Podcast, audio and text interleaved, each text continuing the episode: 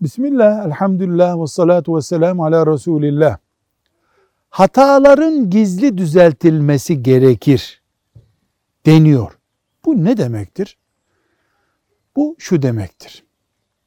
Bir Müslüman bir hata işlediğinde bu yanlıştır diye onu herkese açık bir alanda düzeltirsek bir yerden de hata olan o yanlış şeyin reklamını yapmış oluruz. O Müslümanı inatlaşmaya sevk etmiş gibi olabiliriz. Bu sebeple hatayı düzeltmekse gayen, vurup dağıtmak, nefret oluşturmak, intikam almak değil, düzeltmekse gayen eğer bunu gizli yap. Çağır bir kenara, kulağına söyle.